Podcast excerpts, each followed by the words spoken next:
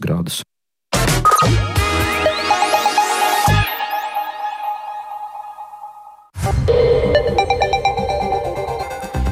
Piecas minūtes pāri 12. un tas ir ziņu raidījuma pusdiena laiks, kurām plašāk skaidrosim šodienas 28. augusta būtiskos notikumus. Studijā Dāca Pēkšēna, esiet sveicināti!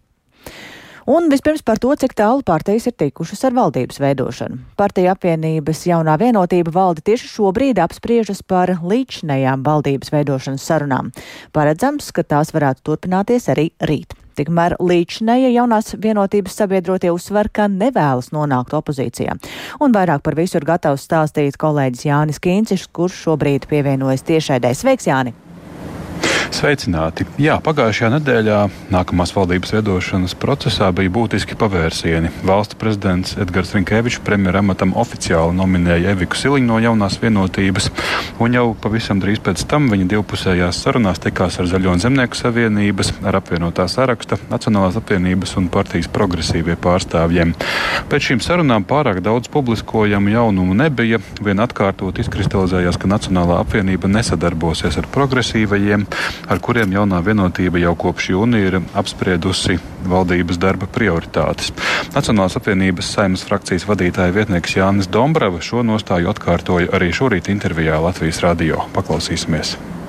Nacionāla apvienība ir gatava strādāt valdībā. Nevienā brīdī mūsu pašmērķis nav nebūs darbs opozīcijā. Tāpat laikā tik tiešām ne par katru cenu mēs neesam gatavi strādāt valdībā. Mēs neatbalstīsim kopēju sadarbību ar progresīvo frakciju, kura nereiz vien ir apliecinājusi, ka tieši drošības jautājumos tā rīkojās ļoti īpatnēji. Kā mēs varam atbalstīt, ja, piemēram, Nacionāla apvienība vada aizsardzības ministriju, kura virza, piemēram, valsts aizsardzības dienesta likuma projektu, Un e, no progresīvo frakcijas puses notiek šī likuma projekta vilcināšana, tad, kad tas tika izskatīts saimā. Savukārt apvienotā saraksta saimnes frakcijas vadītājs Edgars Tavars atkārtoja pozīciju, ka vislabprātāk gribētu esošās e, koalīcijas ar jauno vienotību un nacionālo apvienību saglabāšanu. Viņš gan nesniedza skaidru atbildi, vai apvienotais saraksts strādāt valdībā bez nacionālās apvienības līdzdalības. Mēs redzam, ka mums ar abiem partneriem, jauno vienotību un Nacionālo apvienību, um, būtu jāstrādā arī nākošajā valdībā. Es pašlaik nedēļoju kādas spēles, kad mēs varētu šķirties vai nešķirties no Nacionālās apvienības. Nacionālā apvienība ir pieredzējuši politiķi. Pieredzējuši politiķi ir ilgstoši pieredzi valdībā. Par līdzinējo sarunu kopsavilkumu tātad šobrīd notiek jaunās vienotības valdes sēde. Pēc tās gan netiek solīti konkrēti paziņojumi. Tomēr viens no apspriežamajiem jautājumiem ir viedokļu apmaiņa par to, vai nākamajā valdībā iesaistīt drīzāk progresīvos vai nacionālo apvienību. Jāpiebilst, ka, lai arī piekdienu politisko spēku pārstāvi noliedz, ka dažādu valdības modeļu kontekstā būtu apspriest arī potenciālā atbildības joma sadala nākamajā valdībā, tomēr par to esot runāts. Arī neoficiāli, gan zināms, ir pavisam maz, lai arī par kādu koalīcijas sastāvu izdosies vienoties, līdzinājās atbildības jomas sadalījums būtiski mainīsies. Un, uh, valdības veidošanas sarunu vadošais politiskais spēks jaunā vienotība līdz ar premjeru amatu prioritāri pretendētu arī uz finanšu ministra, ārlietu ministra un izglītības un zinātnes ministra portfeli. Savukārt interesi par satiksmes ministrijas vadību izrāda partija progresīvie. Paredzams, ka turpmākās oficiālās starppartiju sarunas turpināsies visticamāk nevis šodien, bet uh, rīt. Tāds ir. Jā, paldies. Jānis Kīncis turpina sekot līdzi šīm valdības veidošanas sarunām. Ziņosim arī vairāk par to raidījumā pēcpusdienu. Un šobrīd, kā dzirdējām, tad galvenais jautājums varētu būt par to, kurš tad koalīcijā būs ceturtais partners, vai tie būs progresīvie vai Nacionālā apvienība. Bet vairākiem tūkstošiem Latvijā dzīvojošo Krievijas pilsoņu var nākties pamest Latviju, jo viņi līdz šim nav neko darījuši, lai pagarinātu uzturēšanās atļauju statusu. Tas izriet no pilsonības un migrācijas lietu pārvaldes, kas septembra vidū sāks viņiem izsūtīt aicinājumus pamest valsti. Un vairāk par to ir gatavs stāstīt Viktors Demīdovs, kurš šobrīd ir pievienojies studijās. Sveiks, Viktor, un saki, kāda tad šobrīd ir situācija ar šiem Krievijas pilsoņiem? Labdien! Jā, atgādināšu, ka tagad ir spēkā likums, kas paredz, ka Krievijas pilsoņiem izsniegtās pastāvīgās uzturēšanās atļaujas šī gada 1. septembrī, tātad piekdien, um, zaudēs spēku. Un, lai dzīvotu Latvijā, viņiem ir jāpiesakās uh, pastāvīgā iedzīvotāja statusam, un savukārt, lai to saņemtu, viņiem tad pilsonības un migrācijas lietu pārvaldē jāiesniedz apliecinājums par valsts valodas zināšanām A2 līmenī. Un tātad pēc jaunākiem datiem ir zināms, ka vairāk nekā 13 tūkstoši Latvijā dzīvojošie Krievijas pilsoņu ir pieteikušies, nu, ir arī iesnieguši tādu dokumentus, lai saņemtu uzturēšanās atļauju. Skaits ar katru dienu palielinās, un uh, vēl 4,5 tūkstoši cilvēku valodas pārbaudījumu nav nokārtojuši, bet viņi ir pieteikušies atkārtotai pārbaudēji, kas notiks rudens beigās, un tā, tad, tā informē Pilsonības un migrācijas lietu pārvaldē. Tātad kopumā sanāk 17,5 tūkstoši Krievijas pilsoņu taisās dokumentus nu, nokārtot. Un cik ir tāda, kuri to vispār nav nekādā veidā reaģējuši? Respektīvi, nu, tādu pagaidām nav precīzi zināms, eh, cik, cik tādu tūkstoši ir eh, pēc eh, pilsonības un migrācijas lietu pārvaldes tāda teiktā, tas būs zināms pēc 15. septembra. Attiecīgi pēc tam uh, Pilsonības un migrācijas lietu pārvalde uh, viņiem sāks izsūtīt vēstuli, apliecin, nu, aicinot tātad pamest valsti. Bet uh, nu, tie varētu būt vairāki tūkstoši cilvēku, ņemot vērā, ka nu, tad, kad sākās visa šī lieta ar uzturēšanās atļaujām Latvijā to, par Krievijas pilsoņiem, nu, tad bija Latvijā dzīvo 25 tūkstoši, nu, vairāk nekā 25. Nu, tad izriet, mm, ka, ja tā rupi rēķina, tie varētu būt vairāk tūkstoši. Cik, atkārtošu vēlreiz, pilsonības un migrācijas lietu pāraudu tos precīzus datus sola tikai pēc 15. septembra. Nu, jā, līdz šim izskanējuši tie 10 tūkstoši aptuveni. Jā, bet, jā, bet nu, viņi, viņi saka, no ar katru dienu tas uh, cilvēku skaits, kas, kas piesakās, aug, un tāpēc attiecīgi samazinās to skaits, kuriem mm -hmm. kuri neko nedara. Ja? Un uh, kas tad uh, tie, kuri tomēr neko nedara, kas viņiem draud, nu, tad lūdzu paklausīsimies eh, pilsonības un migrācijas lietu pārvaldes priekšnieci Mairu Rozi. Tā būs viņa izvēle dzīvot ļoti sarežģītu dzīvi, jo viņiem nebūs ne medicīniskā aprūpe, ne sociālā, ne strādāt viņi varēs. Nu, tāda būtībā cilvēks ārpus likuma. Un, nu, te viņam ir jāpieņem lēmums, vai nu viņš brauc projām, vai nu viņam ir tomēr tiesības saņemt termiņu uzturēšanās atļauju. Tā kā šeit cilvēks, jebkurā brīdī viņam viņš saskarsies ar šo te nērtību, un uh, tad viņam pašam būs tomēr jāsaprot, kā dzīvot tālāk. Jā, jāatzīmē, ka valdība pagājušajā nedēļā nolēma uzdot iekšlietu ministrijai sagatavot grozījumus imigrācijas likumā. Tādējādi nu, Latvijā dzīvojošie Krievijas pilsoņi vēl divus gadus varēs uh, nokārtot latviešu valodas pārbaudu. Tas attieksies uz tiem, kuri nesekmīgi nokārtojas šajā reizē. Un, lai viņi varētu uh, arī turpmāk legāli uzturēties Latvijā, dzīvot un strādāt. Un, un, un tad ministrija, uh, tad, tad, tad, tad valdība ir noteikusi, lai, lai iekšlietu ministrija sagatavo šos grozījumus. Un uh, sazinājos ar iekšlietu ministriju, viņi teica, ka tos grozījumus viņi sagatavos šīs nedēļas laikā. Nu, tas jautā, nu, kurā tad īsti dienā, jo 1. septembris jau ir piekdiena. Viņi saka, nu tad nedēļas pirmajā pusē viņi to sagatavos. Un jāatzīmē, ka ar valdības noteikto daudzi cilvēki nav apmierināti. Un iniciatīva portālā Mana balss LV ir sākta mm, parakstu vākšana, lai atceltu vienošanos par grozījumiem imigrācijas likumā. Un dažu dienu laikā parakstījušies jau vairāk nekā 6,5 tūkstoši cilvēku. Kā autors ir norādīts Jānis Bērziņš, kurš norāda, ka mums ir jāciena pašiem sevi. Un viņa prāt, ja kāds valsts valodu nevar iemācīties 30 gadu laikā, tad papildus divi gadi neko nepalīdzēs. Un šī 22. augusta vienošanās par izmaiņām likumā ir piekāpšanās agresoru valsts pilsoņu spiedienam. Tālāk uzskata iniciatīvas autors. Paldies Viktoram Demīdovam, un mēs raidījumu savukārt turpinām ar skolām. Rīgas skolās skolēnu skaita kritums nav vērojams, un tajās šajā mācību gadā mācīsies ap 68 tūkstošiem skolēnu. Tā šorīt raidījumā labrīt ir atzinis Rīgas domas izglītības, kultūras un sporta departamenta direktora pienākumu izpildītājs Ivars Balamovskis. Precīzi dati par skolēnu skaitu gan būs pieejami vien septembra sākumā. Un kā sarunā ar Kristapa Feldmana Rīgas domas pārstāvis atzina, tad um, nedaudz gan varētu būt sarucis skolēnu skaits vidusskolas posmā posmā. Taču, kā atzina Balamovskis, arī galvaspilsētā pedagoģu trūkums ir aktuāls. Paklausīsimies viņa teikto.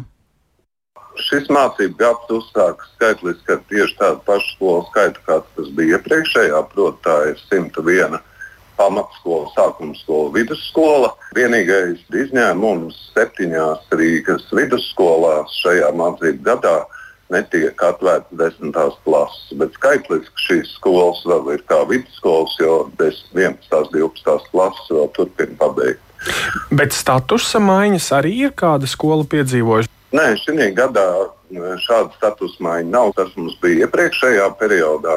Kopumā pēdējo piecu gadu laikā aptuveni vairāk kā 20 vidusskolas ir mainījuši savu statusu, vai nu reorganizācijas e, pievienojot kādai citai iestādēji, vai no vidusskolas kļūstot par pamatskolu. Kā ir ar e, pedagogiem? Vai arī Rīga saskarās ar to trūkumu, tostarp arī latviešu valodas varbūt nepietiekama zināšana dēļ? Nu, manuprāt, pēdējos vismaz trīs gadus gandrīz katra pašvaldība runā par e, pedagoģu trūkumu. Šis mācību gads varbūt īpaši vēl iezīmēs šo tendenci ņemot vērā streika izpildes prasības par sabalansētu pedagoģa darba slodzi. Bet uh, apkopojot, nu, burtiski arī piekdienu vēl liela daļa skolu iesniegto informāciju, pirmkārt priecē tas, ka vidusskolas posmā nu, praktiski šo vakanci ir ļoti, ļoti minimāls. Bet pamatizglītības posmā dominē tie paši priekšmeti, kādi jau iepriekš ir bijuši. Tās ir latviešu valoda, literatūra, uh, matemātika, datorika var būt tāda jauna tendence, un saprotot šo pārēju uz latviešu valodu, pedagoģa palīdzību trūkums ir diezgan nu, teiksim, tā, izteikti iezīmējis šajā mācību gadā. Tik tālu Rīgas domas izglītības, kultūras un sporta departamenta direktora pienākuma izpildītājs Ivars Balamovskis. Tikmēr Francijas skolās musulmaņu sieviešu tradicionālo kleitu abaju nesāt būs aizliegts. Tā ir paziņojis Francijas izglītības ministrs Gabriels Atals, un par to, vai abaja ir uzskatāma par reliģisku simbolu, kuru valkāšana skolās būtu jāaizliedz pēdējos mēnešos, Francijā ir asas debates un vairāk Šajā tematā ir iedziļinājies kolēģis Rihards Plūme, kurš pievienojas tiešai. Sveiks, Rihard! Jā, labdien! Nu, jāsāk laikam ar to, ka Francijā pastāv stingrs nošķīrums starp valsti un reliģiju, un tāpēc reliģisku simbolu publisku nesāšana Francijā pastāvīgi izraisa konfliktus, īpaši, ja tas attiecas uz islāmticīgajiem, un kopumā tiek lēsts, ka no 67 miljonus lielā Francijas iedzīvotāju kopskaita aptuveni 3,5 līdz 6 miljoni ir musulmaņi. Un pēdējā laikā debats par islāma simboliem ir sāsinājušās, un tas ir e, noticis pēc 2020. gada, kad Čečena bēglis nocirta galvu skolotājiem Samuēlam Patī, kurš bija rādījis e, saviem skolēniem pravieša e, Muhameda karikatūras toreiz. Gadu gaitā likums attiecībā uz reliģiskiem simboliem ir ticis atjaunināts, papildināts. Piemēram, 1994. gadā tika pieņemts likums, kas skolās pieļāva nesāt reliģiskos simbolus vienīgi tad, ja tie nav publiski redzami. Desmit gadus vēlāk, jau 2004. gadā, skolās tika pilnībā aizliegta musulmaņu sieviešu galvassegu nēsāšana, un aizliegums ietver arī ebreju vīriešu cepurītes, kipas un uh, lielus krustus bet 2010. Eh, gadā tika ieviests aizliegums jeb, eh, jebkurā publiskā vietā eh, pilnībā aizklāt seju. Tagad pienākusi kārta abajai musulmaņu sieviešu tradicionālajai kleitai. Sagaidāms, ka valsts skolās aizliegums to nesāt stāsies spēkā līdz ar jaunā mācību gada sākumu 4. septembrī. Un izglītības ministrs Gabriels Satals, kurš paziņoja par šo aizliegumu, paudis pārliecību, ka cilvēkiem nevajadzētu būt iespējai noteikt eh, kāda bērna reliģisko pārliecību tikai paskatoties vienus viņu ieejot klasē. Eh, viņa prāt, konkrētais apģērba gabals pārkāpj Francijas stingros laicīgos likumus izglītības jomā. Eh, šonadēļ viņš ir solījis tikties ar skolu direktoriem, lai palīdzētu tiem ieviest šo aizliegumu.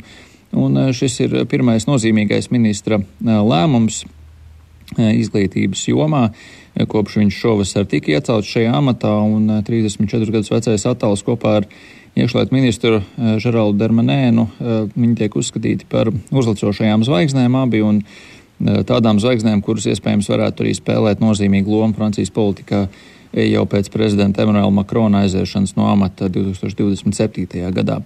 Debates pēdējo mēnešu laikā Francijā par šo soli gan ir izvērsušās asas, strīdoties par to, vai abai vispār uzskatām par reliģisku simbolu. Aizliegumu atbalstīja labējie un galēji labējie spēki, tikmēr kreisās puses pārstāvji ir pauduši bažas par musulmaņu sieviešu un meiteņu tiesībām. Daļa politiķi soli apsveica, norādot, ka vienošanos par to bija jāpanāk jau sen. Citi savukārt aizliegumu nosodīja, raksturojot to kā apģērba kontroli, kas ir pretrunā Francijas sekulāro vērtību pamatprincipiem. Nacionāla organizācija, kurā ietilpst, piemēram, daudzas musulmaņu asociācijas, ir norādījusi, ka viņuprāt apģērba gabali vien nav uzskatāmi par reliģisku zīmi. Dace. Paldies Rihardam, kurš mums tātad izstāstīja vairāk par jauno kārtību Francijas skolās, kur tiks aizliegta musulmaņu sieviešu tradicionālo kleitu valkāšana. Savukārt sarunu turpinām par mūsu paradumiem, un mēs arvien biežāk maksājam izmantojot bezskaidrs naudas norēķinus. Palūkojoties uz pirmā pusgada rādītājiem, tad vidēji dienā tie ir 2,2 miljonu maksājumu, vairāk nekā 832 miljonu eiro apjomā. Un salīdzinot ar šo pašu periodu pērn, tad pieaugums ir par aptuveni ceturto daļu, gandrīz 26%. Latvijas Bankas moderno maksājumu eksperts un maksājumu sistēmu politikas daļas vadītājs Emīls Dārziņš kolēģei Dairai Zīlē to šorīt raidījumā labrīt skaidroja ar inflāciju un kredītu maksājumu pieaugumu. Paklausīsimies fragmentu no viņa teiktā. Ja attiecīgi tādus karšu maksājumus un to tendences mēs paši varam kontrolēt, mazāk tērējot ar karti par pārtiku veikalā vai arī vienkārši pielāgojot to groziņu. Tad, attiecīgi, ar kredītu pārvedumiem ir tā, ka tie visbiežāk ir tomēr tiek izmantot liela apjoma darījumiem, arī par hipotēkām vai līzingiem, un tāpēc arī ir diezgan liela tā tendence uz apjomu atstāta. Un šī tendence tuvākajos gados varētu vēl vairāk kļūt populāra, proti mēs ejam tikai uz to, ka būtu bezskaidrs naudas eh, darījumi. Par šo mēs datus vācām maksājuma radarā, ko mēs publicēsim nākamā mēnesī, septembrī. Bet, attiecīgi, tur mēs pēdējos pusgados esam novērojuši tendenci, ka Latvijā šī attiecība starp skaidro un bezskaidro naudu stabilizējās proporcijās starp 70% bezskaidrās naudas darījumu un 30% skaidrajā naudā. Kas bija ļoti interesanti, kad pagājušā gadā šī tendence, kad skaidrās naudas norēķini pieauga par 3%. Attiecīgi. Pagājušajā pusgadā bija tā, ka bezskaidrā naudā bija 67% no maksājumiem un skaidrā naudā 33%, kas norāda to tendenci, ka nu, mēs Latvijā īsti neesam gatavi atteikties no skaidrās naudas, un mēs vēlamies viņu izmantot. Kas ir tie cilvēki, kas vēl aizvien izmanto skaidro naudu pārsvarā? Es teiktu, ka šobrīd tie ir gandrīz vai pat visi cilvēki, jo, kā mēs zinām, pēc Krievijas iebrukuma Ukrajinā ir cilvēkiem kā, ieteikts veidot arī skaidrās naudas rezerves, un liela daļa arī to dara. Un, un arī pēdējā laikā mēs ik pa laikam redzam, ka nu, cilvēki tomēr izvēlās turēt skaidro naudu savos maciņos tiešām šo apsvērumu dēļ, kā piemēram pāris nedēļas atpakaļ kādam no pakalpojumu sniedzējiem nekāja karšu maksājumi. Skaidrā nauda nāca lieta palīgā. Es domāju, ka nav īsti iespējams izdalīt specifisku cilvēku grupu, kas izmanto skaidro naudu, jo, manuprāt, tā tendence šobrīd ir tāda, ka skaidrā nauda tomēr ir pie visiem. Tātad skaidrā nauda vēl tik drīz nākotnē nepazudīs. Nē, viennozīmīgi nē, un uh, šos paradumus diktē pati sabiedrība. Un, pieņemsim, ja arī nāks kāds jauns maksājuma norēķina veids, viņš visticamākais līdzeksistēs ar šobrīd esošo, un attiecīgi ērtums un viss pārējie faktori tomēr diktē to, ko cilvēks izvēlās, lai norēķinātos. Tālūk Latvijas Bankas moderno maksājumu eksperts un maksājumu sistēmu politikas daļas vadītājs Emīls Dārziņš par mūsu paradumiem norēķināties um, aizvien biežāk ar bezskaidras um, naudas darījumiem. Bet, um, lai gan ābolu raža šogad ir laba, daļai saimniecība ir liela zaudējumi krusas dēļ. Augļu kopi saka, ka līdz ar postījumiem arī ražas novākšana izmaksā šo dārgāk. Sarežģījums rada veselo ābolu nolasīšanu. Āboli būs vairākas reizes jāšķiro, un tas prasīs ilgāku laiku. Par ražas laiku ābolu saimniecībā stalsu pusē plašāks Intīs Ambotas ierakstā. Nu, paskaties, es tagad paņemu trīs ābolus, ja, kas te ķekarā bija. Nu, šitas, re, kur ir, ir beigts, nu, šito var ielikt, nu, šito arī var ielikt. Šīs vasaras negaisa ar krusu izpostījuši arī daļu ābolu ražas. Talsu novada ārlavas pagastā zemnieku saimniecībā vilki katrā ābelē iepūši augļu ķekari un arī katrā ābeļu rindu pakājē sakrituši āboli. Gan vasaras, gan ziemas ābols čirnēs izsisti apaļ robi krusas dēļ, kas saimniecības kārusi 16. augustā atminis saimniece Ilza Rudzīte. Nu, es biju mājās, bez šausmām, ka neizsit logus un jumtu. Ja? Un, un tas ir kādi 4 km tālāk. Kas arī redzēja, kas brauc šurp skatīties šo dārzu, kad uh, ir nu, koki pa zemi un notiek tas lapas pat eglais kujas notriek. Nu, bet vienāk tā krusta, nu, kaut kā 3 cm vairāk, 3,5. Jā, tādi, nu, visādi apaļumi. Ābols, nu, nu, viņš ir sadauzīts. Jā, pūstas. Un viņš jau, nu, nu viss, šis ir ziemas ābols, ja, no agri ziemas un līdz jaungadam realizējams. Ja, bet mēs jau viņu tagad stāties priekšā, kā mēs varam nolasīt. Ja. Ābola audzētāji bažīs, ka no plānotā šogad šajā ābeļu dārzā iegūs vien ap 10% ražas, ko ietekmējusi nevien krusa, bet arī salnas un sausums pavasarī. Tāpat sarežģījumus rada veselo ābolu nolasīšana un šķirošana, kas prasīs ilgāku laiku un rada risku, ka kāds no realizējumiem āboliem būs zemākas kvalitātes. Tad lasīs, lasīs, lasīs, šķiros dārzā, ieliks noliktavā, šķiros noliktavā pirms realizācijas, aizved uz veikalu. Un nu, pirmo reizi varbūt tev paņems tur tādu, bet ieraug viens brūnums, otrs katram abolam ir brūnums. Bet pārstrādē kaut kādā? Nu, ir mums eh, tausos ir jau suls, mēs kaut gadiem sastrādājamies, ka mēs pārdodam abolus sulai. Jā. Tas ir viens variants, bet uh, mums jau ir maktens daudzums skolas augurs. Ja mēs šogad nevaram piegādāt abolus, ko viņi darīs, viņi meklēs cits. Nu, tas ir grūti dabūt atpakaļ. Tu zaudē kaut kādu sev nu, biznesa partneri, vai sauc kā gribi viņas vai nerealizācijas punkts. Un tas skolas auglis ir ļoti svarīgs, ļoti nozīmīgs. Te, teiksim, ir tā kooperatīva priekšrocība. Talsu puses kooperatīva augļu nams vadītājs Jānis Lepsis papildina, ka daļu dārza krusa nav skārs un tas palīdzēs nodrošināt programmai skolas auglis apsolīto apjomu. Tas nozīmē, ka šogad šajos dārzos ir problēmas. Tad mēs zinām, ka vēl vienam dārzam ir arī problēmas. Viņam pavasara salna un pēc tam tas sausums, viņam arī praktiski nulle. Bet mēs vismaz varam tad atkal savstarpēji sarunāt, un tās skolas, kam viņi deva, mēs ābolus nodrošināsim. Tas nozīmē, ka viņš nākošais gads, kad viņam būs āboli, viņam tās skolas nav pazudušas. Augļu kopi saka, ka pavasarī parādījies piedāvājums apdrošināt arī ābeļu dārzus pret krusas riskiem, taču lielai daļai audzētāji rokas nolaidušās salnas zaudējumu dēļ, jo pēc tās palicis neliels skaits koku, kas potenciāli varētu ražot ābolus un kurus būtu vērts apdrošināt, taču tas dārgi izmaksātu. Bet vai mēs visiem dārziem varam salikt tā kā Austrijā, kur es vēl Vācijā redzēju, ka ir iepriekš Polija arī ir jā, pretkrus tīklu, kur teica, ka pa valsts finansēm viņiem nav varbūt tādas integrētās audzēšanas un kādas visas šīs subsīdijas. Tāds krūzes aizsardzības tīkls, viņš stabili izmaksās tikpat, cik ābeļdārs. Un tad ir pretī varbūt tad to tādu ražas līmeni, ko mēs dabūnam tā nu, mierīgāk strādājot, varētu būt, ka viņš neatmaksājās. Ja tas uh, klimats ietekā tagad, kad ir iespējams lielāks sausuma periods, tad tas nozīmē, ka to ražu nevarēs arī nodrošināt, ja nebūs uh, laistīšana. Tas, tas atkal tas pats. Arī ļoti dārgi. Jā, un sarežģīti viss. Kooperatīvā augļu nams ir 13 biedri, kas apsaimnieko kopumā ap 100 hektārus augļu dārzu, kuros šogad ražu kopumā lēš ap 50 līdz 70% apmērā no pērnā gada apjoma. Sinti Ambote, Latvijas radio.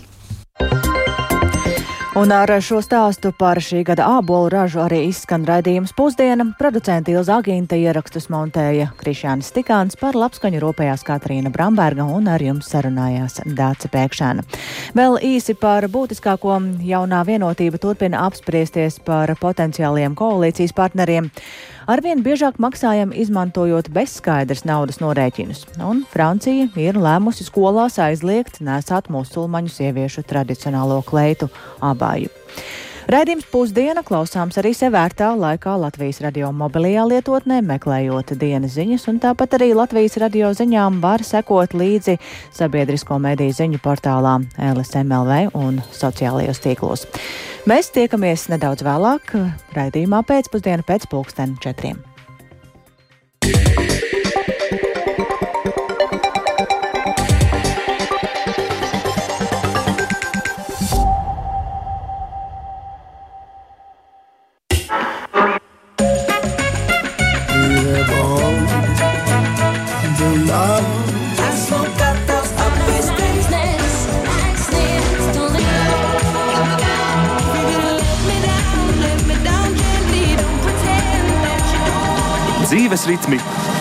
Musiker.